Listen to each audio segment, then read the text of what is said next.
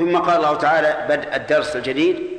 ومن يضلل الله فما له من ولي من بعده. وترى الظالمين لما رأوا العذاب يقولون هل إلى مرد من سبيل؟ وتراهم يعرضون عليها خاشعين من الذل ينظرون من طرف خفي. وقال الذين آمنوا إن الخاسرين الذين خسروا أنفسهم وأهليهم يوم القيامة. ألا الظالمين في عذاب مقيم. قال الله تعالى ومن يضلل الله فما له من ولي من بعده. من هذه شرطية وهي للعموم؟ يعني أي أحد يقدر الله تعالى أن يضل فإنه لا يمكن أن يتولاه أحد بعد الله. ومعنى هذا أنه لا يمكن أن يهديه أحد.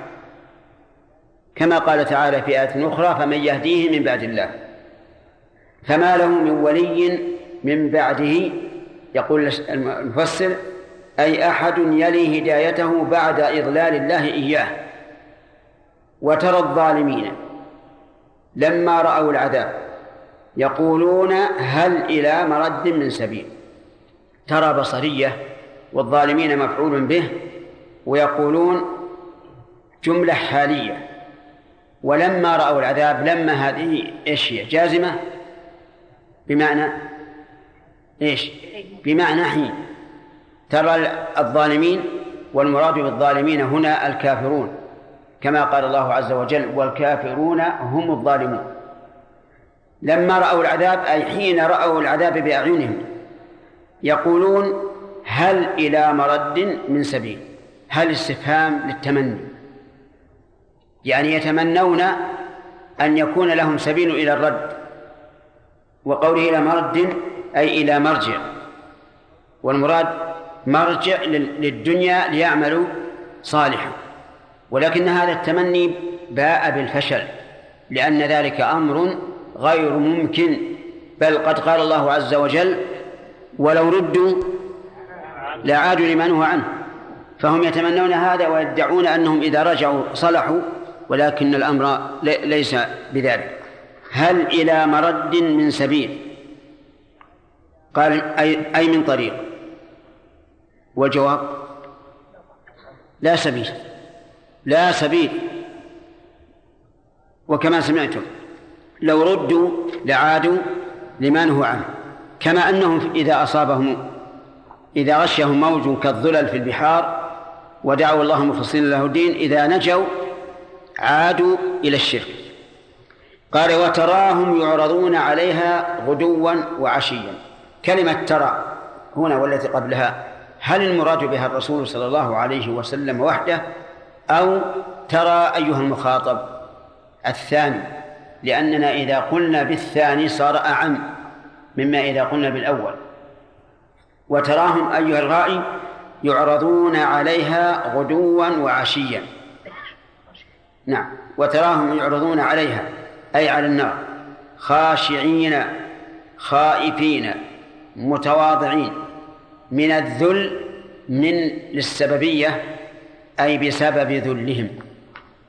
هؤلاء الذين كانوا في الدنيا مستكبرين متعنجهين لا يرون الناس شيئا ولا يقبلون الحق. يعرضون على النار على هذا الوصف. خاشعين من الذل يعني قد امتلأت قلوبهم ذلا ينظرون إليها من طرف خفي ضعيف النظر مسارقة يعني ينظر ينظرون إلى النار والعياذ بالله من طرف أي من بصر خفي أي ضعيف يسارقون النظر. كالإنسان الذي هو خائف من شيء تجده ينظر إليه نظرا ضعيف ثم يصرف النظر على طول. وذلك لشدة ذلهم أعاذنا الله وإياكم من حاله ومن ابتدائية أو بمعنى الباء من في قوله من طرف ابتدائية. أو بمعنى الباء أي ينظرون بطرف خفي. وإذا دار الأمر بين أن تكون ابتدائية على بابها أو بمعنى الباء فالأولى أن تجعل على بابها. يعني يبتدئ نظرهم من الطرف الخفي. آه، من طرف خفي. وقال الذين آمنوا قالوا مثنين على الله عز وجل متحدثين بنعمه.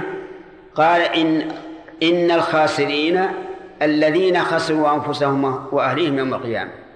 إن الخاسرين تحتاج إن تحتاج إلى اسم خبر. اسمها الخاسرين. خبرها الذين خسروا أنفسهم. الذين خسروا أنفسهم وأهليهم يوم القيامة. أي فقدوها.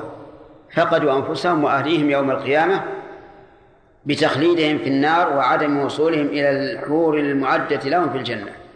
الخاسرين حقيقة ليسوا الذين فقدوا المال. ولا الذين فقدوا الأهل في الدنيا.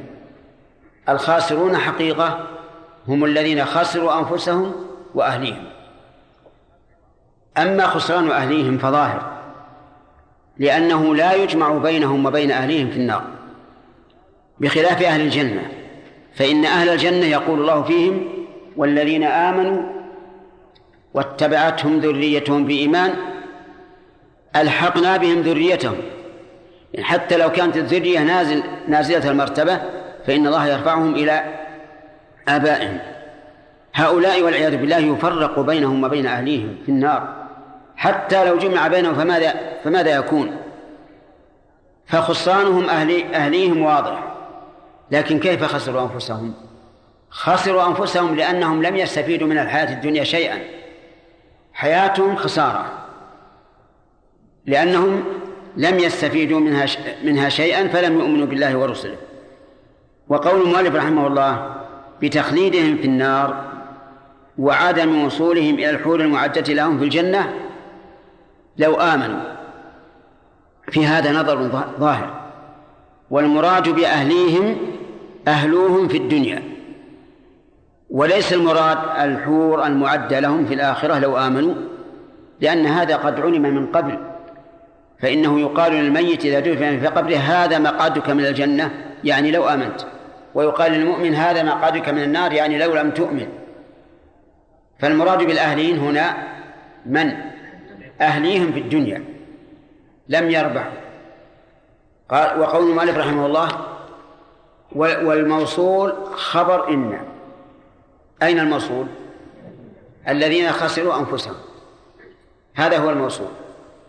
ونبه على ذلك لئلا يظن الظان أن الذين خسروا صفة للخاسرين. قال الله تعالى ألا إن الظالمين يقول المفسر الكافرين في عذاب مقيم دائم وهو من مقول الله تبارك وتعالى. يعني ليس من مقول الذين آمنوا. اتل الآية وقال الذين آمنوا إن الخاسرين الذين خسروا أنفسهم وأهليهم يوم القيامة ألا إن الظالمين في عذاب مقيم. لو نظرنا إلى السياق لقلنا إن هذا بقية كلام المؤمنين. لكن المؤلف نبه على أن هذا من كلام الله وليس من كلام الذين الذين آمنوا.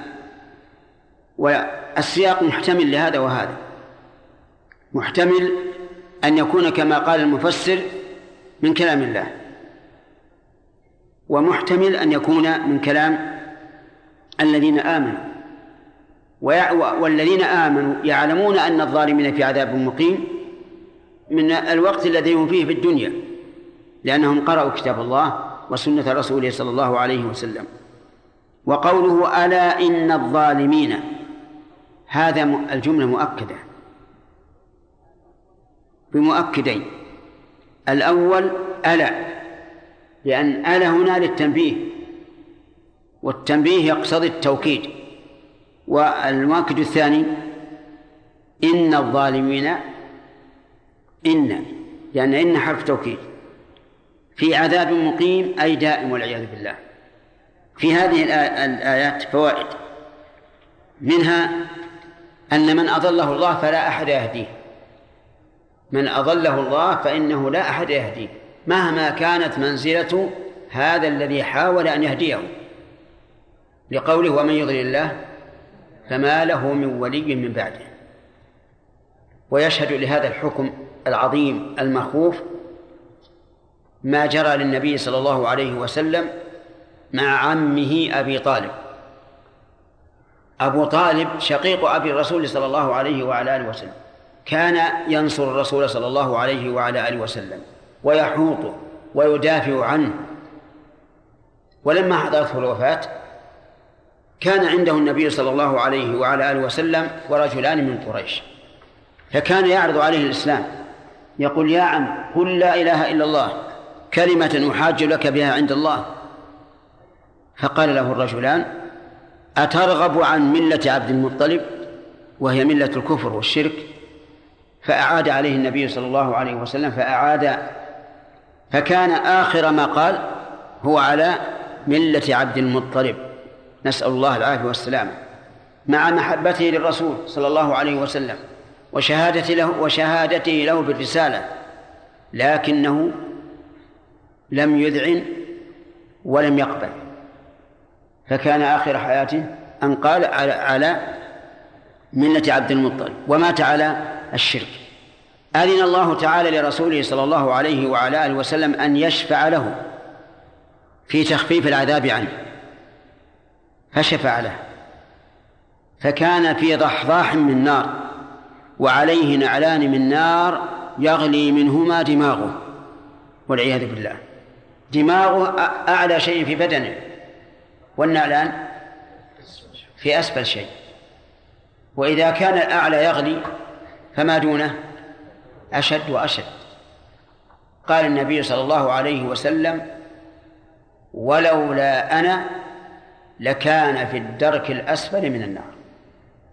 لولا أنا شفعت أو لولا أنا في رسالتي التي كان يدافع عنها أبو طالب.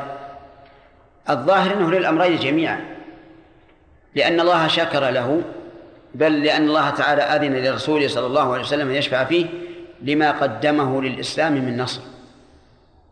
ويؤخذ منه أن من نصر الإسلام ولو من الكافرين فله فضل لأن الإسلام دين العدل يعطي كل ذي حق حقه.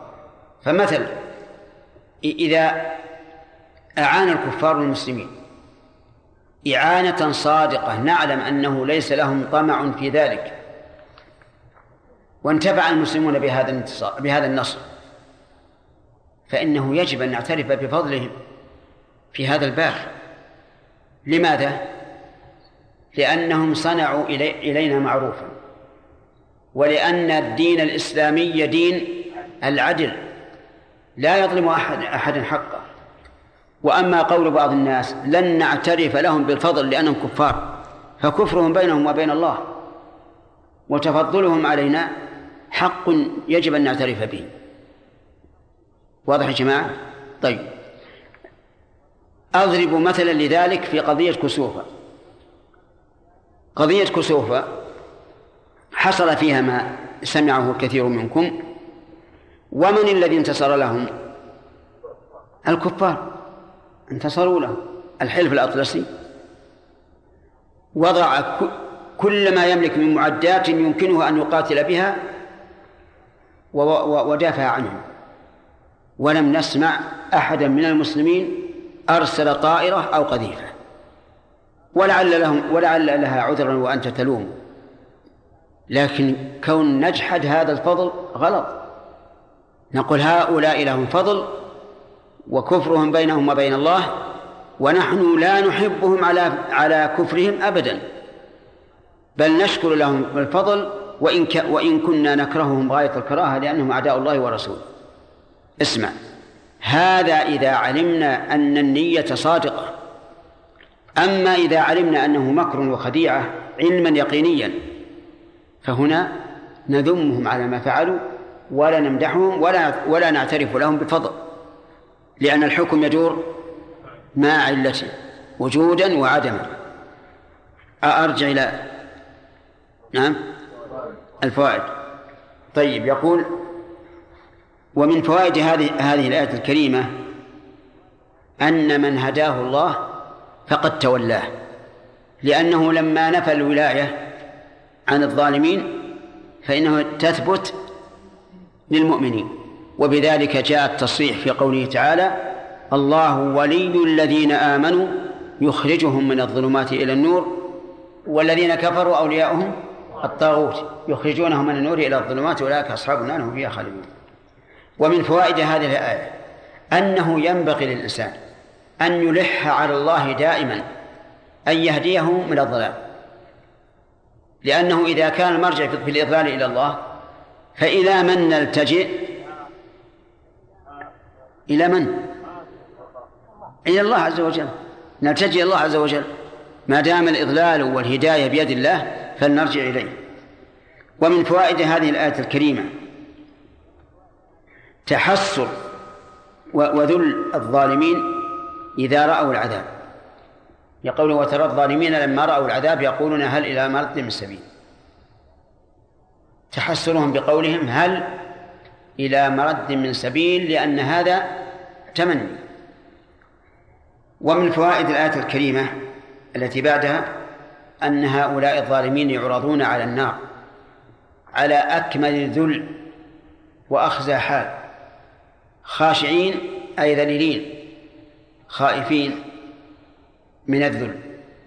ومن فوائد هذه الآية أن المستكبرين على الحق على الحق. المعاندين يجازون بعقاب يناسب معصيتهم. وجه ذلك. الله سبحانه وتعالى عندما استكبروا على الحق جعلهم أذلة أمام النار نعم. وجه ذلك أنهم يعرضون على النار خاشعين ذليلين. ومعلوم أن العقوبة بالذل مناسبة للمعصية بالاستكبار. ومن فوائد هذه الآية أن الظالمين يلحقهم الذل ظاهرا وباطنا. الباطن في قوله خاشعين من الذل والظاهر في قوله ينظرون من طرف خفي ومن فوائد الآية الكريمة تحدث الذين آمنوا بنعم الله عز وجل. بقوله وقال الذين آمنوا إن الخاسرين فكأنهم يثنون على الله عز وجل بكونهم ربحوا دنياهم وأخراهم. ومن فوائد الآية أن العاصي قد خسر نفسه وعلى حسب معصيته تكون الخسارة لأنه لم يستفد من وجوده في الدنيا شيئا. ويتفرع على هذا أنه ينبغي للإنسان أن يحاسب نفسه وينظر ماذا صنع فإن رأى أنه قد ملأ زمانه من الخير المقصود والوسيلة فليحمد الله. وإن رأى أنه أضاعه فليستعتب. يؤخذ من قوله إن الخاسرين الذين خسروا أنفسهم. ولنضرب بهذا مثلا. رجل قام يصلي ويقرأ القرآن لمدة ساعة وآخر يلعب. هذه المدة. من الرابح؟ الأول. الأول هو الرابح لأنه ملأ هذا الفراغ عبادة. والثاني؟ إيش؟ الثاني خاسر ضائع. حتى أن بعض أهل العلم قال إنه يحرم عليه الا يشغل الزمن بالطاعة لأنه كالذي عنده مال فلم ينفقه في سبيل الله. لكن الصحيح أنه إذا لم إذا لم يامره بالمعصية فلا له ولا عليه. إلا أنه يعتبر خاسرا بالنسبة لمن شغله بطاعة الله. وأنت فكر في هذا عندما تقوم تصلي. قل لنفسك إن عمرك هو هذا الزمن الذي أمضيته في طاعة الله. عود نفسك على هذا من أجل أن تحرص على أن تعمر زمانك بطاعة الله. ومن فوائد الآية الكريمة أن عذاب الكافرين دائم لأن لقولها ألا إن الظالمين في عذاب مقيم. ومن فوائدها تأكيد هذه العقوبة لئلا يقول قائل إن العذاب قد ينقطع. قال ومن يضلل الله فما له من ولي من بعده. من شرطية والفعل مجزوم بها. مجزوم بإيش؟ نعم فعل الشرط. ها. نعم. علم جزم السكون وحرك بالكسر التقاء الساكنين. ها. كفاية طيب هذا لماذا اقترنت ال... اقترن الجواب بالفاء؟ لأنه إيش؟ طيب أحسنت. مقترن بما؟ نعم. أخبر الله. أخبر الله عز وجل نعم. أن الكفار يدعون إلى يعني يقذفون فيها. يدعون إلى جهنم دعا ها؟ يقذفون فيها. أي نعم. كيف نجمع بين وتراهم يعرض وتراهم يعرضون عليها. العرض هذا إيش؟ يعرضون عليها قبل أن يدخلوها. يعني على الصراط ولا كيف؟ لا ما عاد الله أعلم. يعرضون عليها قبل أن يدخلوها. والكفار لا لا يحاولون لا يحاولون الصعود على الصراط لأنهم يصرفون إلى جهنم في عرصات القيامة. ثم قال الله تعالى وما كان لهم من أولياء ينصرونهم من دون الله ومن يضلل الله فما له من سبيل. قال الله تعالى وما كان لهم من أولياء ينصرونهم من دون الله أي غيره يدفع عقابه عنهم. وما كان لهم أي للظالمين. من أولياء من زائد إعرابا وهي للتوكيد. أولياء ينصرونهم يعني ليس لهم من يتولاهم وينصرهم من دون الله أي من من عذابه ودون هنا بمعنى غير. كما فسره المؤلف رحمه الله. لأنه لا يمكن لأحد أن يدفع عذاب الله عمن أراد الله أن يعذبه أبدا ولا ينصره منه. في الدنيا لو أراد ظالم أن يظلم أحدا أمكن أن ندفعه لكن عقوبة الله لا يمكن أحدا أن يدفعها قال ومن يضلل الله فما له من سبيل. من يضلل الله. جملة شرطية وهي كما سبق جوابها مقرون بالفاء لأن اتصل بهما. فما له من سبيل أي طريق إلى الحق في الدنيا وإلى الجنة في الآخرة. بل يكون أعمى والعياذ بالله. ليس له سبيل إلى الحق. ولذلك تجد تجد الذين قضى الله بإضلالهم يقدم لهم الحق. كالشمس في ربعة في ربعة النهار ولكن لا يفهمونه قد حيل بينهم وبينه. واسمع إلى قول الله تعالى إذا تتلى عليه آياتنا قال أساطير الأولين قال الله عز وجل كلا يعني ليست أساطير الأولين بل ران على قلوبهم ما كانوا يكسبون. الذنوب جعلته يرى يرى الحق باطلا. ويرى الباطل حقا.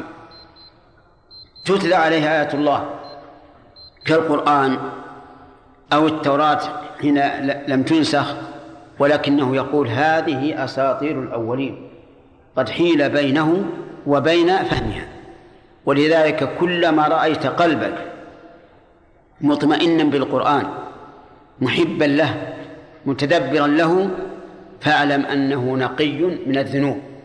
وكلما وجدت الأمر بالعكس فطهر القلب. نعم. من فوائد هذه الآية الكريمة أن من أن الظالمين لا أحد ينصرهم من دون الله لأنهم استحقوا العذاب ولا مانع لما أعطى الله ولا معطي لما منع. ومن فوائد الآية الكريمة أيضا أن الإضلال بيد الله وأن من أضله الله لا يمكن أن يرجع للحق. لقوله ومن يضلل الله فما له من سبيل. ومنها أنه يجب على المرء أن يلجأ إلى الله دائما ويسأل الله الهداية.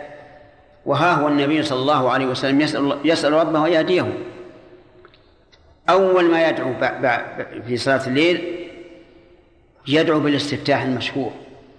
اللهم رب جبرائيل وميكائيل وإسرافيل فاطر السماوات والأرض عالم الغيب والشهادة أنت تحكم بين عبادك فيما كانوا فيه يختلفون.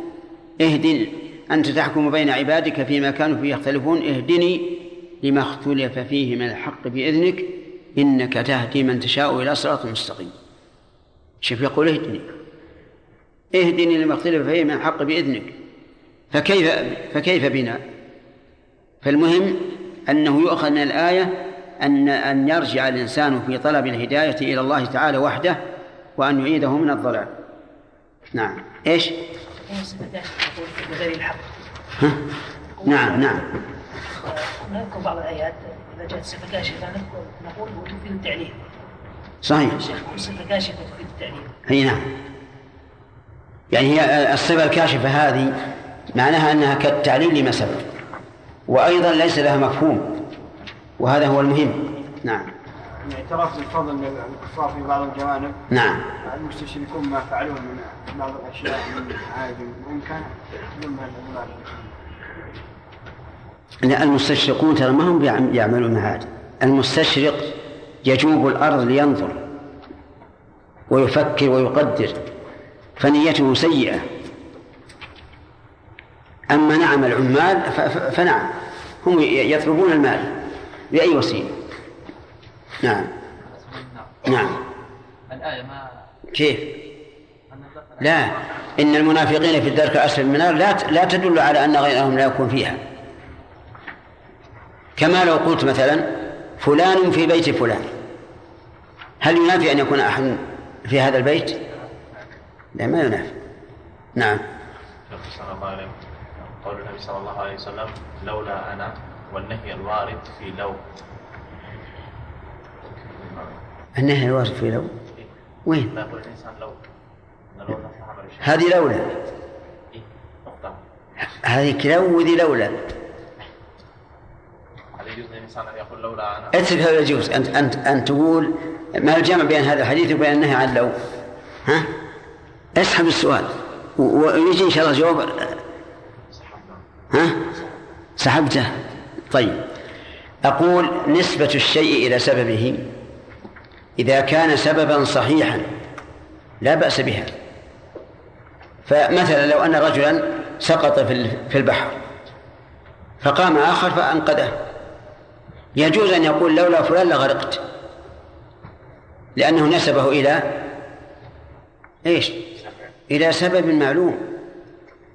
سبب معلوم. لكن لو قال لولا فلان وهو مدفون في قبره. هل هذا سبب معلوم؟ أجب. إنسان غرق في الماء في الماء. وقال والله لولا لولا الولي فلان سيدي لغرقت. يصح ولا يصح؟ لا يصح. شرك. المهم خذ قاعدة. نسبة الشيء إلى سببه المعلوم إيش؟ يجوز. لكن لا يقرن مع الله بالواو. فإن قرن مع الله بالواو صار حراما. مثل أن يقول لولا الله وفلان لغرقت. هذا ما يجوز. فنذكرك الصور إذا قال لولا الله قيض لي فلانا لغرقت. ما تقول؟ لا السؤال خاص خاص. ها؟ هذا يصح. وهو أعلى أعلى الأنواع. لأنه ذكر المسبب والسبب. إذا قال لولا فلان لغرقت. هذا جائز. لأنه أضافه إلى سبب معلوم صحيح. إذا قال لولا الله وفلان لغرقت. هذا لا يجوز لأنه شرك بين الله وغيره بحرف يقتضي التسوية إذا قال لولا الله ثم فلان لغرقت يجوز ولا ما يجوز؟ يجوز الصور كم؟ أربعة إذا قال لولا الله ففلان لغرقت ففلان مثل الواو وش يقول يا جماعة؟ هل الفا مثل الواو؟ الفا تقصد الترتيب لكنها في الواقع في منزلة بين منزلتين. لا هي ليست كثم لأن ثم تدل على الترتيب والتراخي وليست كالواو لأن الواو تقتضي التسوية فهي في منزلة بين المنزلتين فهل نقول إنها كثم لأنها دالة على الترتيب أو إنها كالواو لأن ترتيبها يقتضي التعقيب؟ الأول هو الصواب. يعني لولا الله ففلان. لأنك جعلت فلانا بعد الله عز وجل. وكونه متراخيا أو متعاقبا هذا شيء آخر. بارك الله فيك. شيخ يعني يشكل علينا يا شيخ في هذه المسألة أن نقل عن ابن عباس أنه كان يقول نعم. قول القائل لولا الربان لغرقت السفينة كان يعد هذا من الشرك الأصغر. نعم. فما وجهه يا شيخ؟ وجهه أمران. أولا الحديث رواه ابن أبي حاتم. فيحتاج إلى تصحيح. ثانيا أن ابن عباس رضي الله عنهما لعله في وقت الناس قريبون من الشرك فأراد أن أن يشدد في هذا الأمر حتى ينتهي الناس عنه. لأن قول الرسول عليه الصلاة والسلام لولا أنا واضح أنه أضاف الشيء إلى سببه دون أن يقرنه بمشيئة الله. ثم قال الله تعالى استجيبوا لربكم من قبل أن يأتي يوم لا مرد له من الله. ما لكم من ملجأ يومئذ وما لكم من نكير. قال الله تبارك وتعالى استجيبوا لربكم. استجاب بمعنى أجاب. ولهذا قال المفسر أجيبوه بالتوحيد والعبادة. بالتوحيد ضد الشرك والعبادة ضد الاستكبار. وهذا واجب على كل مسلم أن يجيب الله تبارك وتعالى بالإيمان به وتوحيده وطاعته. من قبل أن يأتي يوم هو يوم القيامة. لا مرد له من الله أي أنه إذا أتى به لا يرد. لا مرد له من الله. أي لا أحد يرده ويمنعه. وقيل لا مرد له من الله أي أن الله سبحانه وتعالى لا يرده إذا إذا أتى به. وكلا المعنيين صحيح. فالله تبارك وتعالى إذا أتى به فقد قضى به. فلا يمكن أن يرده وكذلك لا يمكن لأحد أن يرده من دون الله. لا أحد يمنعه من الله عز وجل. ولذلك لو أن أحدا حاول أن يرد يوم القيامة لم يتمكن. لا مرد له من الله. ما لكم من ملجأ تلجؤون إليه يومئذ وما لكم من نكير إنكار لذنوبكم. ما لكم من ملجأ هذه جملة مبتدأ وخبر. قدم فيها الخبر على المبتدأ وأدخلت من الزائدة على المبتدأ من باب التوكيد.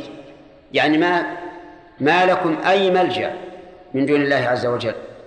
والملجأ بمعنى المعاذ المعاذ أو الملاذ الذي يلوذ به الإنسان عن ما نزل به. وقول يومئذ أي يومئذ يأتي ذلك اليوم. وما لكم من نكير قال إنكار لذنوبكم فكأنه فسر النكير بمصدر وهو الإنكار. فإن صح ما فسره به ما لكم من نكير فإنه يشكل على هذا قول الله تبارك وتعالى ثم لم تكن فتنتهم إلا أن قالوا والله ربنا ما كنا مشركين. وهذا إنكار. فعلى تفسير المؤلف ما لكم من إنكار لذنوبكم يحتاج أن نجمع بينه وبين هذه الآية. والجواب أن نقول الجمع بينهما أنهم ينكرون أولا. يقولون والله ربنا ما كنا مشركين ظنا منهم أنهم إذا فعلوا ذلك نجوا كما نجا أهل التوحيد. ثم تشهد عليهم ألسنتهم وأيديهم وأرجلهم بما كانوا يكسبون وحينئذ يعترفون ويقرون. فيكون الإنكار أولا ثم الإقرار ثانيا وتكون الآية هذه ما لكم من نكير أي باعتبار المآل. أي لا يمكنكم أن تنكروا. وقيل إن نكيرا بمعنى منكر كسميع بمعنى مسمع. والمعنى لا أحد ينكر ما نزل بكم. ويدفعه عنكم. وهذا المعنى أصح وأنسب لسياق الآية. ما لكم من ملجأ وما لكم من منكر يعني لا ملجأ تلجأون إليه ولا أحد يدافع عنكم وينكر ما نزل بكم. ما لكم من ملجأ يومئذ وما لكم من نكير. في هذه الآية فوائد. منها وجوب الاستجابة إلى الله تعالى فورا. لقول استجيبوا لربكم من قبل أن يأتي. هذا اليوم الذي الذي هدد الله به هل له وقت محدد في عمر الإنسان بحيث يستطيع أن يؤخر التوبة والاستعتاب؟ الجواب لا لأن الإنسان لا يدري متى يفجأه الموت. وإذا فجأه فاجأه الموت انقطع كل عمل. كما ثبت عن النبي صلى الله عليه وعلى آله وسلم إذا مات الإنسان انقطع عمله. فلا فرق بين قيام الساعة الكبرى وبين موت الإنسان من حيث انقطاع العمل. ومن فوائد هذه الآية الكريمة رأفة الله تبارك وتعالى بعباده حيث ينذرهم بعذابه قبل الوقوع. ولا شك أن هذا من رحمته ورأفته بهم. وإلا لتركهم يفعلون ما يشاءون حتى ينزل بهم العذاب. ومن فوائد هذه الآية أنه لا ملجأ يوم القيامة من الله عز وجل. في الدنيا يمكن أن يلوذ الإنسان بذي سلطة يستجير به لكن في الآخرة لا. ومن فوائد الآية الكريمة أنه لا أحد ينكر ما نزل بأهل العذاب من العذاب. لقوله مولوي لا. لا أحد ينكر ما نزل به من العذاب. نعم. ثم قال الله عز وجل فإن أعرضوا فما أرسلناك عليهم حفيظا إن عليك إلا البلاغ. وإنا إذا أذقنا الإنسان منا رحمة فرح بها. فرح بها وإن تصبهم سيئة بما قدمت أيديهم فإن الإنسان كفور. ثم قال عز وجل مسليا النبي صلى الله عليه وعلى آله وسلم فإن أعرضوا يعني عن عن الاستجابة ولم يستجيبوا فلا لوم عليك. فما أرسلناك عليهم حفيظا تحفظ أعمالهم بأن توافق المطلوب منهم. الجواب إن أعرضوا جواب الشرط فما أرسلناك عليهم حفيظا. المعنى إن أعرضوا فلا لوم عليك لأنك لم ترسل عليهم حفيظا على أعمالهم ولا مسيطرا عليهم إنما أرسلت للإبلاغ وقد حصل. فما أرسلناك عليهم حفيظا إن ما ما كيف إن ما؟ أراد أن يفسر إن بمعنى ما. وإن وإن تأتي نافية كما هنا وتأتي زائدة وتأتي شرطية وتأتي مخففة من الثقيلة فهنا جاءت نافية. والغالب أنها تكون نافية إذا أتى بعدها إثبات مثل إن أنت إلا نذير.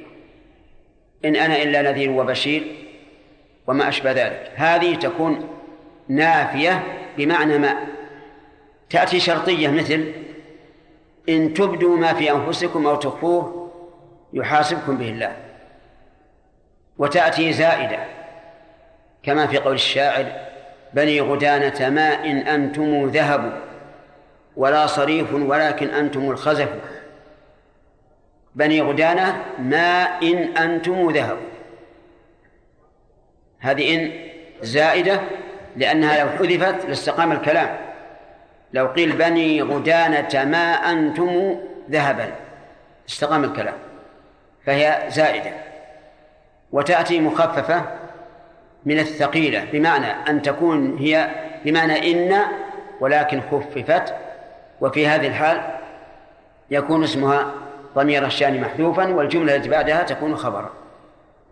هذه أربعة معاني لإن. إن ما أي بمعنى ما. عليك إلا البلاغ. يعني ما عليك إلا البلاغ. وقد بلغ أو لا. بلغ. بلغ البلاغ المبين. وتعب في ذلك تعبا عظيما. وأوذي في ذلك أذى عظيما. ومع ذلك فهو صابر محتسب. لأنه صلى الله عليه وعلى آله وسلم يعلم أن ما أصابه في ذات الله نعم فهو خير ورفعة. انتبه يا ولد. جاهد في الله حق جهاده وبلغ الرسالة غاية البلاغ وأوذي على ذلك ولكنه صبر. وكان يقول هل أنت إلا إصبع دميت وفي سبيل الله ما لقيت؟ قال المفسر وهذا قبل الأمر بالجهاد. إذن فالآية على كلام المؤلف منسوخة. والمؤلف ونحوه دائما إذا أتى مثل هذه الآية يقول هذه منسوخة وهذا غلط.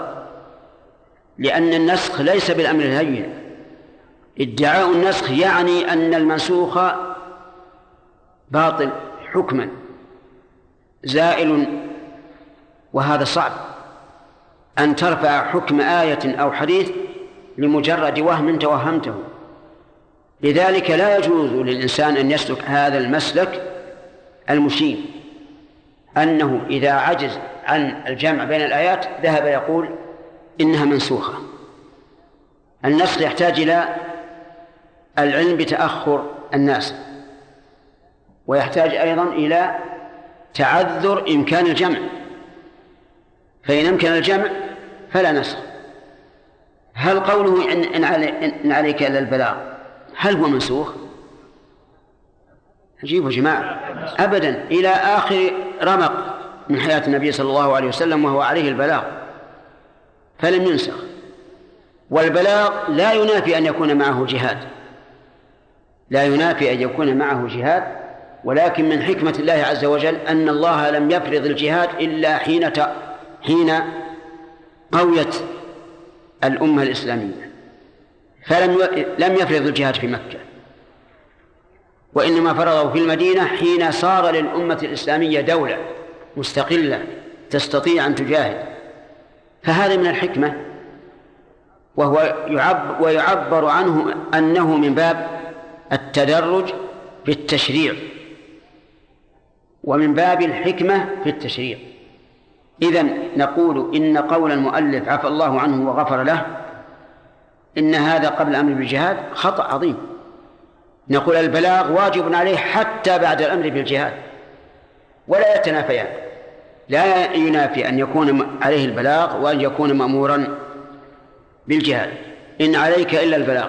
وإنا إذا أذقنا الإنسان منا رحمة نعمة كالغنى والصحة فرح بها وإن تصبهم الضمير للإنسان باعتبار الجنس سيئة بلاء بما قدمت أيديهم أي قدموه وعبر بالأيدي لأن أكثر الأفعال تزاول بها فإن الإنسان كفور للنعمة. طيب. وإنا إذا أذقنا معلوم أن الله تعالى واحد. فلماذا قال إنا؟ نقول للتعظيم لإظهار العظمة والسلطة. وقوة الملك. إذا أذقنا الإنسان منا رحمة يعني أوصلناها إليه حتى كأنها طعام ذاقه لا يشك فيه. وقوله منا لأن كل نعمة من بنا فإنها من الله كما قال عز وجل وما بكم من نعمة فمن الله. منا رحمة يقول نعمة كالغنى والصحة. والمثال هنا لا يعني الحصر لكنه مثال. الغنى نعمة. آه، الصحة نعمة. الأولاد نعمة. الأمن نعمة. نعم الله لا تحصى. كما قال عز وجل وإن تعدوا نعمة الله لا تحصوها إن الله لغفور رحيم. إذن ما ذكره المؤلف على سبيل إيش؟ التمثيل. والتمثيل لا يعطي الحصر. وقوله فرح بها المراد بذلك فرح والبطر والأشر. لا فرح لا الفرح بالنعمة مع اعتقاد أنها من عند الله فإن هذا مأمور به. أن يفرح الإنسان بنعم الله. وفي الحديث إن الله إذا أنعم على عبده نعمة يحب أن يرى أثر نعمته عليه. ومن آثار النعمة الفرح. الإنسان إذا رزقه الله مالا فرح إذا عافاه الله بعد المرض فرح إذا تزوج فرح إذا ولد له فرح. ولكن الفرح نوعان فرح أشر وبطر فهذا مذموم.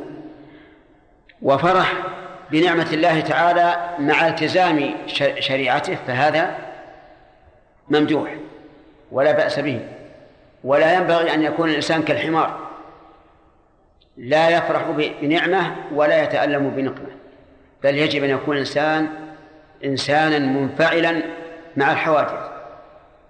يفرح في موضع الفرح ويغتم يغتم في موضع الاغتمام. فرح بها و وإن تصبهم سيئة يقول المؤلف الضمير للإنسان باعتبار الجنس.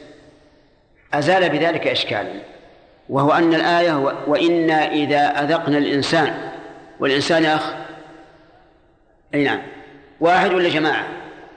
واحد. كيف يقول وإن تصبهم؟ فيعيد الضمير عليه جمعا.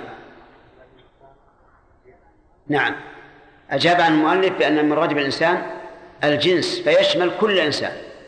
ويصح أن يقول أن أن أن يقول وإن تصبهم سيئة ضد رحمة.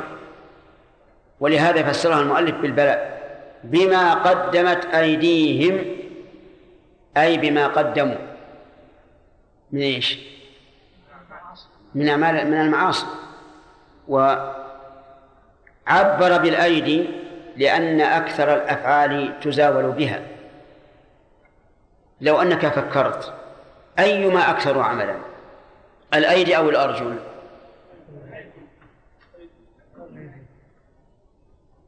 تأملوا يا جماعة. طيب مشيك من بيتك إلى المسجد. كم خطوة كم حركة؟ نعم. وهو الرجل ما تحركت لو ما تحركت الرجل ما مشيت. فيقال إن حركة الرجل في جنس واحد وهو المشي. لكن حركة اليد ما أكثر أنواعها فضلا عن أفرادها. فالأعمال حقيقة إنما تزاول باليد لأنها أكثر من أي عضو في البدن مزاولة للأعمال. حتى لو قال قائل اللسان أكثر من اليد. من يحصي كلمات الإنسان؟ نجيب عن هذا بما أجبنا عن المشي لأنها من جنس واحد. لكن اليد تبطش تضرب تكتب تمحو يعني ما تحصى أنواعه فلذلك عبر بالأيدي عن النفس. ومن ذلك قوله تعالى أولم يروا أنا خلقنا لهم مما عملت أيدينا أنعاما.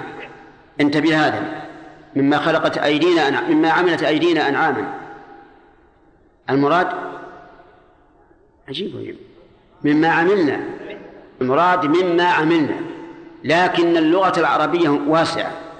تعبر بالأيدي عن النفس. ومن ثم نعلم أنه لا سواء بين خلق آدم بيد الله وبين عمل أيدي الله سبحانه وتعالى في, في, في, الإبل ونحوها قال فإن الإنسان كفور. أعاد أعاد الإفراد بعد أن جاء الجمع. وإنا إذا أذقنا الإنسان. هذا ابتداها بالمفرد. فإن الإنسان ختمها بالمفرد. من أجل أن يشمل الإنسان مجتمعا أو منفردا فهذه حال. ولكن من المراد بالإنسان هنا؟ الظاهر والله أعلم أن المراد به الكافر. أن المراد بذلك الكافر لأنه هو الذي ينطبق عليه فرح البطر والأشر والكفر إذا أصيب بسوء. في هذه الآية فوائد.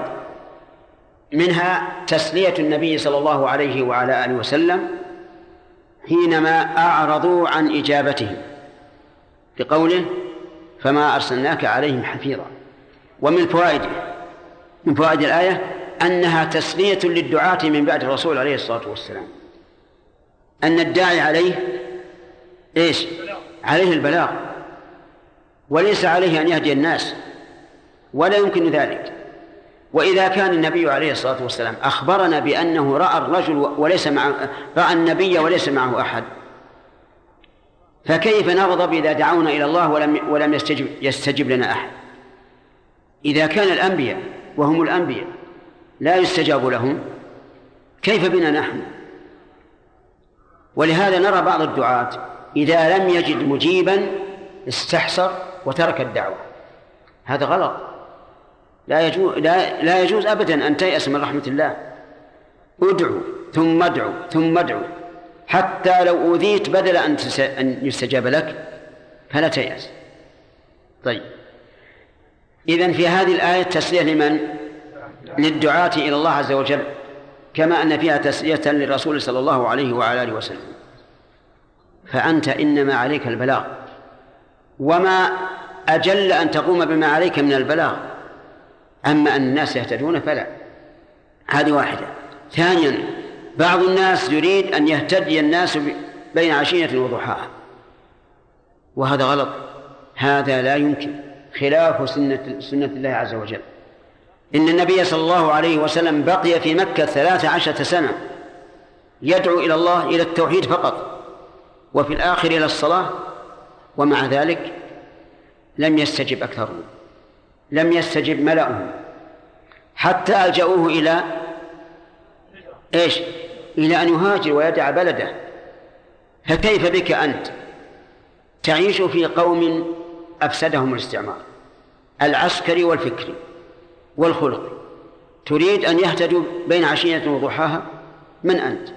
حتى تريد خلاف سنة الله عز وجل. اصبر وبالتدريج. ولا حرج عليك فيما أرى أن تعامل الناس بالتدريج. لا حرج. ما دام المقصود الإصلاح فاصبر على بعض المعاصي ودرج الناس عليها يعني مثلا لو أن إنسان حذر الناس من شرب الدخان الذي ابتلي به كثير من الناس فقال له الشارب أنا ما أستطيع. قال ما في معنى كل يوم اشرب عشر لمدة أسبوع ثم ثمان لمدة أسبوع. حتى يتقاصر إلى آخر النهاية. هل هذا جائز أو لا؟ هذا جائز لأني الآن لم أقره على شرب الدخان. أقررته على بعض المفسدة من أجل أن أتوصل إلى إلى زوال المفسدة نهائيا. وهذا من من من العلاج ومن الدعوة بالحكمة. وهذا كما أنه في الأمراض المعنوية الدينية فهو أيضا في الأمراض البدنية. الطبيب يعالج المريض شيئا فشيئا ويصبر على ما به من مرض شيئا فشيئا ولا يعطيه الدواء كاملا لحظة بلحظة واحدة كما فعل البدوي لما أعطوه نفلجين وقالوا خذ هذا كل ست ساعات واحد. استبطأ الأمر وقال هذا خل... خليه كل ست ساعات واحدة أبلع الجميع فبلع الجميع فقضي عليه. نعم استعجل الأمر هلك اصبر عالج الشيء بالتي أحسن المهم أن تكون عازما على إزالة هذا ومن فوائد هذه الآية الكريمة أن النبي صلى الله عليه وعلى آله وسلم ليس حفيظا على الأمة لا في لا في حياته ولا بعد مماته. وعلى هذا فلا يستغاث به بعد بعد موته ولا يطلب منه الهداية وإنما الهداية الهداية من عند الله عز وجل. ومن فوائد هذه الآية الكريمة وجوب الإبلاغ ولم يبين الله تعالى الوسيلة للإبلاغ. فنقول كل وسيلة للإبلاغ فهي واجبة والوسائل لها أحكام المقاصد فيما سبق الإبلاغ محصور يبلغ الإنسان إلى بلده ومن يفد إليها من الناس. الآن يمكن أن يبلغ إيش؟ أن يبلغ العالم كله أن يبلغ العالم كله وحينئذ نسأل لو أن شخصا أمكنه أن يجعل له صفحة في, الأنترنت أيجوز أن يفعل؟ حمد يجوز؟ أنترنت فيها أغاني فيها بلاوي شو يا حمد؟ أه؟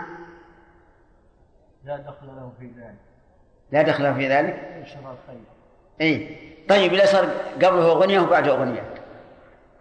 لا يضرها عمل عام. لا يضره عمل عام. عجيب.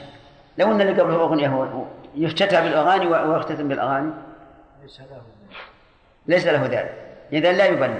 لا يبلغ. ها؟ يبلغ؟ حتى لو قبله أغنية وبعده أغنية. ما تقولوا في قوله. صحيح. لأن الأغنية قبل أو بعد ليست من فعله. هذا من فعل من يتصرف في هذه المحطة. لكن لا لا يجوز أن نترك الدعوة إلى الحق لأن في هذه ال- ال- الإذاعة مثلا أو المحطة يعني فيها سيئة. هذا غير صحيح. ونظرية قاصرة. زاحم أهل الباطل حتى يتبين الحق. ولا يضر كذا إذا دخلوا فيها أشياء منكرة. بعض الناس مثلا يقول لنا أو لغيره لا تدخلون انترنت لا تدخلون فيها. كيف تدخلون فيها؟ وفي الأغاني وفيها البلاء وفي ما يصير. أيما أولى أن ندخل في هذا الم- المضمار لعل الله أن يهدي بنا واحدا من الناس أو أن ندع المجال لأهل الشر. نعم. الأول بلا شك الأول أحسن. ومثل ذلك ما يقال في الانتخابات إذا كان البلد مبني على الانتخابات. يقول بعض الناس لا تنتخب. يا جماعة ما ما أرشح واحد من الخير قال لا لأن الانتخابات فيها بلاء فيها رشاوي فيها أهواء طيب إذا كان فيها رشاوي وأهواء أنا لا لن أدخل في الرشاوي والأهواء ولكن أدخل في ترشيح رجل أعرف أن فيه خير. قالوا إذا رشحت واحد بيجي مئة فاسق. طيب إذا كان مئة فاسق ليس معهم مع- مستقيم أو مئة فاسق معهم مستقيم الثاني أحسن. وإذا قالوا إن هذا لا يجدي ولا ينفع واحد في المئة ما, ما, في, ما في فائدة نقول لا بد أن يكون فيها فائدة فيه فائدة إذا أخلص النية لله لا بد أن يؤثر. لأن الكلمة لله ليست تؤثر لأن فلانا تكلم بها لكن تؤثر لأنها كلمة الله. واسمع إلى قول الله تعالى جعل كلمة الذين كفروا السفلى وبعده وكلمة الله هي العليا. ولا وكلمة الله؟ نعم. بالرفع لأنه لو قال وكلمة الله دخلت في المفعول به. يعني وجعل كلمة الله. وكلمة الله هي العليا بجعله وبغير جعله. ولهذا تبين الآن أن قوله وكلمة الله العليا لها موقع عظيم جدا. يعني أن كلمة الله هي العليا مهما جاءت. هي العليا ولا يخفى عليكم ما يتكرر في قصة موسى مع السحرة وفرعون. لما اجتمعوا وكان موسى واثقا برسول الله عز وجل. ولهذا لما قالوا اجعل لنا موعدا جعل لهم موعد. في وسط الليل في حجرة مظلمة. عجيب يا جماعة. لا. متى؟ في وضح النار. وفي وفي يوم الزينة يوم العيد. قال موعدكم يوم الزينة وأن يحشر الناس ضحى. شيء عجيب. جاء السحرة وجمع فرعون كيده فأجمعوا كيدكم ثم أتوا صفا وقد أفلح اليوم من استعلى فقال موسى كلمة واحدة. قال ويلكم كمل يا عبد الله؟ لا تفتروا على الله كذبا فيسحتكم بعذاب وقد خاب من افترى. ما الذي حصل من هذه الكلمة؟ اسمع. فتنازعوا أمرهم بينهم في الحال. ألف تدل على الترتيب والتعقيب والسببية. فتنازعوا أمرهم بينهم. وإذا تنازع الناس فلا تحدث عن الفشل. حدث ولا, ش... ولا ما شئت ولا حرج. تنازعوا أمرهم بينهم ففشلوا. فشلوا. وفي النهاية أن هؤلاء السحرة الذين جاءوا يكيدون لموسى صاروا مع موسى وهددوا بالقتل والصلب ولكن أبوا. قالوا لفرعون لن نؤثرك على ما جاءنا من البينات والذي فطرنا فاقض ما أنت قاض. مثل ما نقول نحن سووا لسبيل. إنما تقضي هذه الحياة الدنيا. الله أكبر. الله أكبر. الإيمان إذا دخل القلب فلا تسأل عن عن الحزم والعزم والقوة. إنما تقضي هذه الحياة الدنيا. والذي لا يموت اليوم يموت غدا. فالمهم إني أقول إن بعض الناس إذا رأى الموقف غلب فيه الشر استحسر وتخلى وهذا غلط. خذ غمار القوم والنصر للحق النصر للحق أنا ما دخلت مع هؤلاء لأوافقهم على باطلهم. سأدافع عن الحق الذي أعتقده مهما أمكن. ثم إنه من الحكمة أن يفتت القوم المجتمعون. يفتت يعني يؤخذ واحدا واحدا ويتكلم مع كل واحد ويقال يا فلان إيش فائدك من هذا؟ هذا إثم عليك. هذا سوء. في الدنيا والآخرة. كما فعلت قريش في نقد الصحيفة الذين تعاهدوا فيها على مقاطعة بني هاشم. والقصة مشهورة. صار أحد المعارضين لهذه الصحيفة يأتي كبراءهم كبراء الذين وقعوا ويقول لهم يأتيهم على واحد واحد يقول كذا وكذا وكذا حتى تفتت وهذه من السياسة. لأنك إذا فتت المجتمعين إيش؟ زالت قوتهم وزال سلطانهم وحصلت على الخير. ومن فوائدها أيضا أن الناس ينقسمون إلى قسمين. قسم إذا أصابته رحمة من الله فرح بها فرح أشر وبطر. وقسم آخر إذا أصابته رحمة الله تعالى فإنه يستعملها في طاعة الله. وهذا من غير يستفاد من غير هذه الآية. ومنها التحذير من الفرح بنعمة الله إذا كان فرح أشر وبطر. وأما إذا كان فرح استبشار وسرور وقيام بطاعة الله فإنه يمدح. قال الله تعالى فبفضل قل بفضل الله وبرحمته فبذلك فليفرحوا هو خير مما يجمعون. ومن فوائد الآية الكريمة أن ما يصيب الإنسان من سيئة فإنما هو بسبب عمله لقوله بما كسبت أيديهم. ومن فوائدها التعبير بالبعض عن الكل إذا كان لهذا البعض تأثير كبير لقوله بما كسبت أيديهم. ومن فوائدها أن الإنسان من حيث هو إنسان. إذا أصابته السيئة كفر بمعنى أيس من رحمة الله أيس من رحمة الله تعالى أن يصرف عنه هذه السيئة. وأما المؤمن فإنه لا لا ييأس بل يصبر وينتظر الفرج إيمانا بقول النبي صلى الله عليه وعلى آله وسلم وأعلم أن النصر مع الصبر وأن الفرج مع الكرب وأن مع العسر يسرا نعم سؤال إيش؟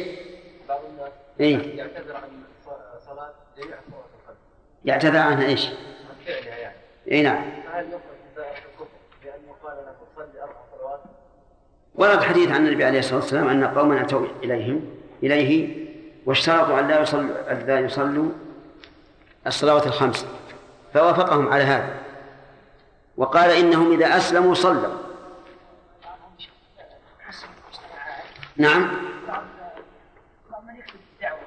إيه؟ يقسم شيخ المجتمعات إلى أقسام. أنا يقول المجتمع المكي المجتمع المدني المجتمع الحبشي. وينزل على كل مجتمع آيات نزلت في الصحابة في ذاك الطرف فهل هذا يعني مثل إيش؟ لهم سلطة ودولة هو لا شك هذا هذا مو علشان القوم حبشيين أو مكيين أو مدنيين هذا قاعدة عامة.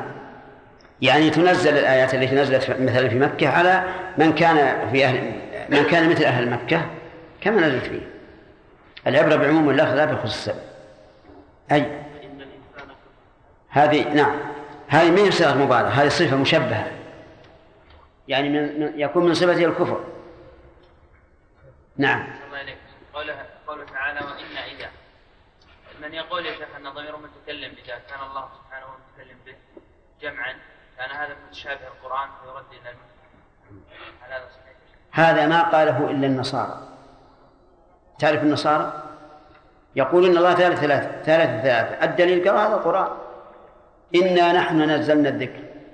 إنا نحن نحيي الموتى. فجمع الله تعالى الضمير في الآيات الشرعية. إنا نحن نزلنا الذكر. وفي الآيات الكونية إنا نحن نحيي الموتى. إذن الله متعدد. وهو لا شبهة فيه عند عند المسلمين إطلاقا. المراد التعظيم وإظهار العظمة والسلطان والقوة والقدرة. ثم قال الله عز وجل لله ملك السماوات والأرض يخلق ما يشاء. يهب لمن يشاء إناثا ويهب لمن يشاء الذكور أو يزوجهم ذكرانا وإناثا ويجعل من يشاء عقيما إنه عليم قدير. أعوذ بالله من الشيطان الرجيم. قال الله تبارك وتعالى لله ملك السماوات والأرض.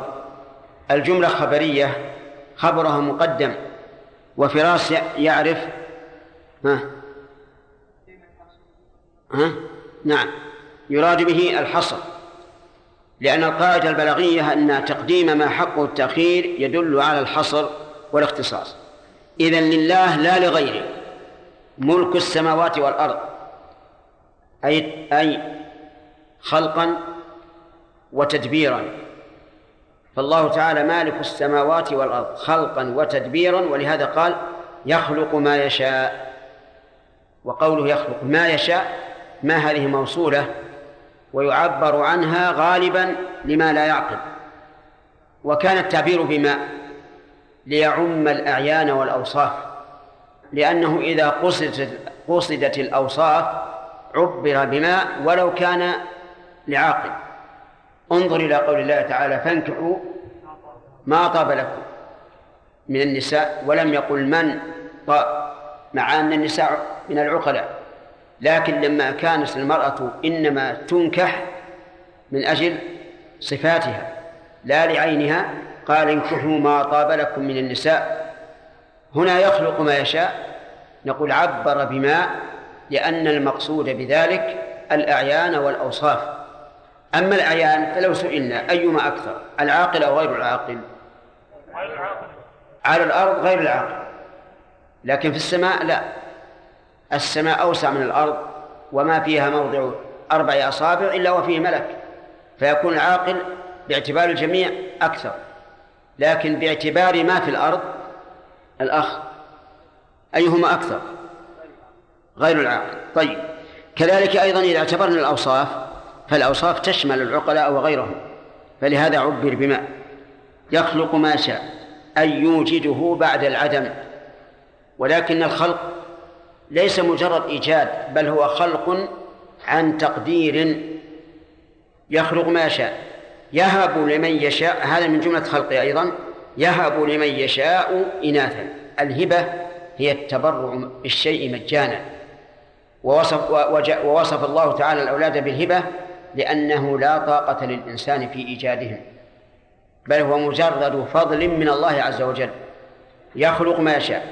يهب لمن يشاء من الأولاد إناثا. قوله من الأولاد. كيف؟ تتلاءم مع قوله إناثا. لأن الأولاد في اللغة العربية تشمل الذكر والأنثى كما في قوله تعالى يوصيكم الله في أولادكم للذكر مثل حظ الأنثيين. يهب لمن يشاء إناثا ويهب لمن يشاء الذكور ولم يقل ذكورا بل أتى بأل المعرفة الدالة على شرف مدخولها. فإن الذكور عند الناس أشرف من الإناث. ولكن مع هذا جبر نقصهن بتقديم ذكرهن على على الذكور.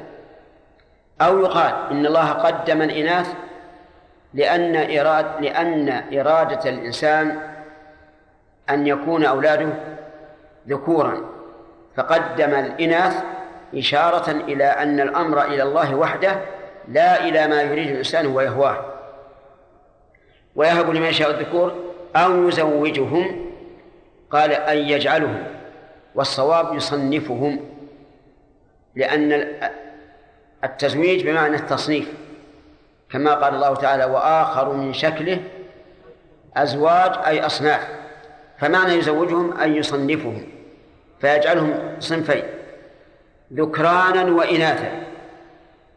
ويجعل من يشاء عقيما فلا يلد ولا يولد له. فلا يلد باعتبار الأنثى ولا يولد ولا يولد له باعتبار الذكر. فهذه أربعة أربعة أصناف. الأول أن يهب لمن يشاء إناثا. الثاني أن يهب ذكورا. الثالث أن يهب ذكورا وإناثا. الرابع أن يجعل الإنسان عقيما. لا ذكور ولا إناث. ذلك لأن الأمر أمر الله عز وجل ولا أحد يستطيع أن يخلق شيئا من هذا بل الله وحده هو الخالق. قال ذكران ويجعل من يشاء عقيما إنه عليم قدير عليم بما يخلق قدير على ما يخلق فهو يعلم ما يخلق عز وجل. وقدير على أن يخلق ما, ما أراد. في الآية الكريمة عموم ملك الله سبحانه وتعالى لما في السماوات والأرض لقوله لله ملك السماوات والأرض. ومن فوائدها أيضا اختصاص الله تبارك وتعالى بذلك. من أين نأخذ الاختصاص؟ غلط. إلا إذا إلا إذا كنت لم تفهم السؤال. والسؤال اختصاص الله تعالى بملك السماوات والأرض. ها؟ أي وجه ذلك؟ وجه ذلك أن الله قدم الخبر والخبر حقه التأخير وتقديم ما حقه التأخير يفيد الحصر. فإن قال قائل إذا إذا قلتم إن ملك الله إن ملك السماوات والأرض خاص بالله. أليس الإنسان له ملك؟ طيب. قال الله تعالى أو ما ملكت أيمانكم. فللإنسان ملك؟ فكيف الجمع بين قولنا إن ملك السماوات والأرض خاص بالله وإثبات الملكية لغير الله؟ الجواب ملك الله تبارك وتعالى تام شامل ففيه شمول التصرف وفيه شمول المكان. بمعنى أن ملك الله تعالى تام من كل وجه عام من كل وجه. ملك الإنسان قاصر لا من جهة العموم المكاني ولا من جهة العموم عموم التصرف. فكلنا نملك لكن ملكنا إيش؟ محدود محدود. أنا أملك حقيبة ولا أملك حقيبة أخرى لغيري. فهو محدود. ثانيا ناقص ملك ناقص. لا يمكنني أن أتصرف في ملكي كما أشاء. صحيح؟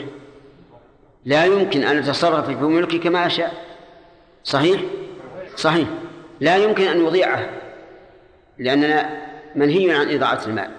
لا يمكن أن أعذبه إذا كان حيوانا لأني منهي عن ذلك. لا يمكن أن آكل من من ما شئت وأدع ما شئت. فالحيوان المحرم لا يجوز أن آكله ولو كان ملك المهم أن ملك الإنسان محدود وثانيا ناقص. محدود لا يشمل كل شيء. ناقص لا يملك كل تصرف. من فوائد الآية الكريمة أن الله تبارك وتعالى يخلق ما يشاء. من الأعيان والأوصاف. على أي كيفية وعلى أي صفة. ولهذا انظر إلى مخلوقات الله. هل هي واحدة؟ عجيبة لا ليست واحدة. تختلف اختلافا عظيما كبيرا. في الشكل في الأيدي في الأرجل في الغذاء في كل شيء. فالله تعالى يخلق ما يشاء. لكن يعلم أن الله تعالى هدى كل مخلوق لما خلق له.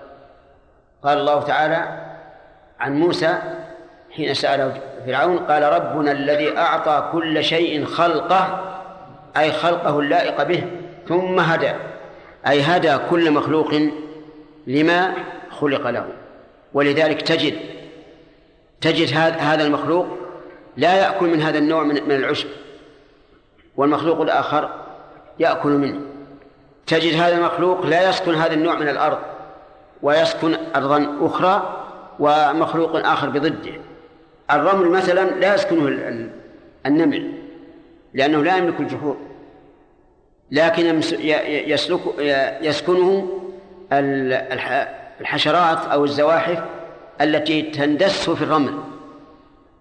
لأن هناك زواحف صغيرة تندس في الرمل اندساسا تشاهدها كأنما يغوص السابح في الماء وليس لها جحور هناك أشياء ما تسكن هذا هذا النوع من الأرض بل تسكن أرضا صلبة حتى تبني لها الجحور أشياء غريبة في- مخلوقات الله. لأن الله سبحانه وتعالى أعطى كل شيء خلقه. من فوائد هذه الآية الكريمة أن الأولاد هبة من الله عز وجل. لقوله يهب لمن يشاء ويهب ويهب. والهبة هي العطية بلا عوض. فما هو العوض الذي علينا بالنسبة إلى هذه النعم؟ هو الشكر. وهنا سؤال هل يجوز أن تسمي ابنك أو بنتك هبة الله؟ نعم يجوز. يجوز. ولهذا قال الفقهاء رحمهم الله في السقط السقط إذا سقط يعني الحمل إذا سقط بعد أن تنفخ فيه الروح فسمه. ولو مات في الحال سمه. فإذا جهلت أنه ذكر أم أنثى فسمه اسما يصلح لهما بأن تقول هذا هبة الله تسميه هبة الله. من فوائد هذه الآية الكريمة أنه لا اختيار للمرء بالنسبة للأولاد. بقوله يهب لمن يشاء فجعل الأمر راجعا إلى مشيئته تبارك وتعالى. ومنها أنه لا ينبغي للإنسان أن ييأس إذا إذا إذا أتاه إناث متتابعات فإن بعض الناس إذا أتاه إناث متتابعات أيس وقال لن يولد لي ذكر وهذا غلط فالله تبارك وتعالى يخلق ما يشاء. ومن ومن فوائد الآية تمام قدرة الله تبارك وتعالى حيث خلق من هذه النطفة وهي واحدة خلق منها ذكورا خلصا وإناثا خلصا والثالث أصنافا ذكورا وإناثا مع أن الماء واحد ولكن الله سبحانه وتعالى على كل شيء قدير. ومنها من فوائد الآية الكريمة أن العقم يعتبر نقصا بالنسبة لمن يولد لمن يولد له لقوله ويجعل من يشاء عقيما بعد أن ذكر أن الأولاد هبة. فيكون العقيم موهوبا له أو لا؟ نعم. لا. إذن هذا نقص. ويتفرع على هذه القاعدة أنه لو تبين زوج المرأة عقيما فلها الفسخ فسخ النكاح.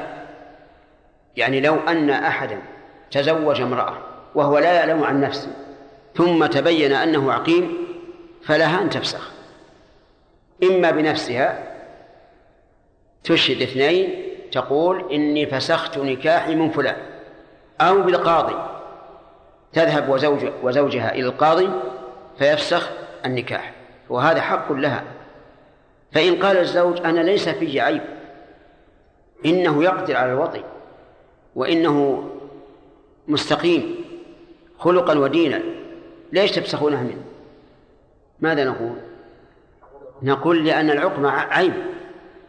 والمرأة لها حق في الأولاد ولذلك يحرم على الزوج أن يعزل عن زوجته إلا بإذنها لأنه إذا عزل عنها حرمها من الأولاد إلا أن تأذن. ومن فوائد هذه الآية الكريمة إثبات هذين الاسمين الكريمين لله عز وجل وهم وهما العليم والقدير. ومن فوائدها أيضا إثبات ما دل عليه هذان الاسمان من صفة. العليم دل على إيش؟ والقدير على القدرة. وكل اسم من أسماء الله متضمن لصفة أو أكثر. وليست كل صفة يشتق منها اسم. انتبه. كل اسم من أسماء الله فهو متضمن إيش؟ لصفة أو أكثر. ولا ولا يشتق من كل صفة اسم لله. وبه نعرف أن أن الصفات أكثر من الأسماء. ومن فوائد الآية الكريمة إثبات المشيئة لله عز وجل لقوله تعالى يخلق ما يشاء. لا أحد يجبره على أن يخلق أنثى أو ذكرا بل له عز وجل المشيئة التامة في خلقه. واعلم أنه كلما ذكرت المشيئة لله عز وجل فإنها مقرونة بالحكمة. انتبه لهذه النقطة. يعني أن مشيئة الله ليست مشيئة مجردة بل هي مقرونة بالحكمة. والدليل على هذا حمل. قول الله تعالى وما تشاءون إلا أن يشاء الله. أكمل. إن الله كان عليما حكيما. عليما حكيما بعد أن قال وما تشاءون إلا أن يشاء الله. فعلم من هذا أن مشيئة الله تابعة لعلمه وحكمته وأنه لا يشاء شيئا مشيئة مجردة بل لا بد أن تكون مقرونة بالحكمة. وهذا في كل نص يأتيك فيه ذكر المشيئة لله فاعلم أنها مقرونة بالحكمة. ثم قال عز وجل لما ذكر خلقه سبحانه وتعالى وأنه هو الخالق له المشيئة المطلقة ذكر شيئا آخر وهو الشرع. لو تأملت الآيات القرآنية لوجدت أن الله تعالى يذكر الشرع قبل القدر. اقرأ الرحمن علم القرآن بعدها خلق الإنسان. فبدأ بالشرع. علم القرآن خلق الإنسان. اقرأ باسم ربك الذي خلق. خلق الإنسان من علق. فبدأ بالقراءة. وهكذا تجد هذه القاعدة مضطردة إلا أن يكون هناك سبب لتقديم الخلق على الشرع. نسأل الله تعالى أن يجعلنا وإياكم برحمته وأن يوفقنا وإياكم لما يحب ويرضى.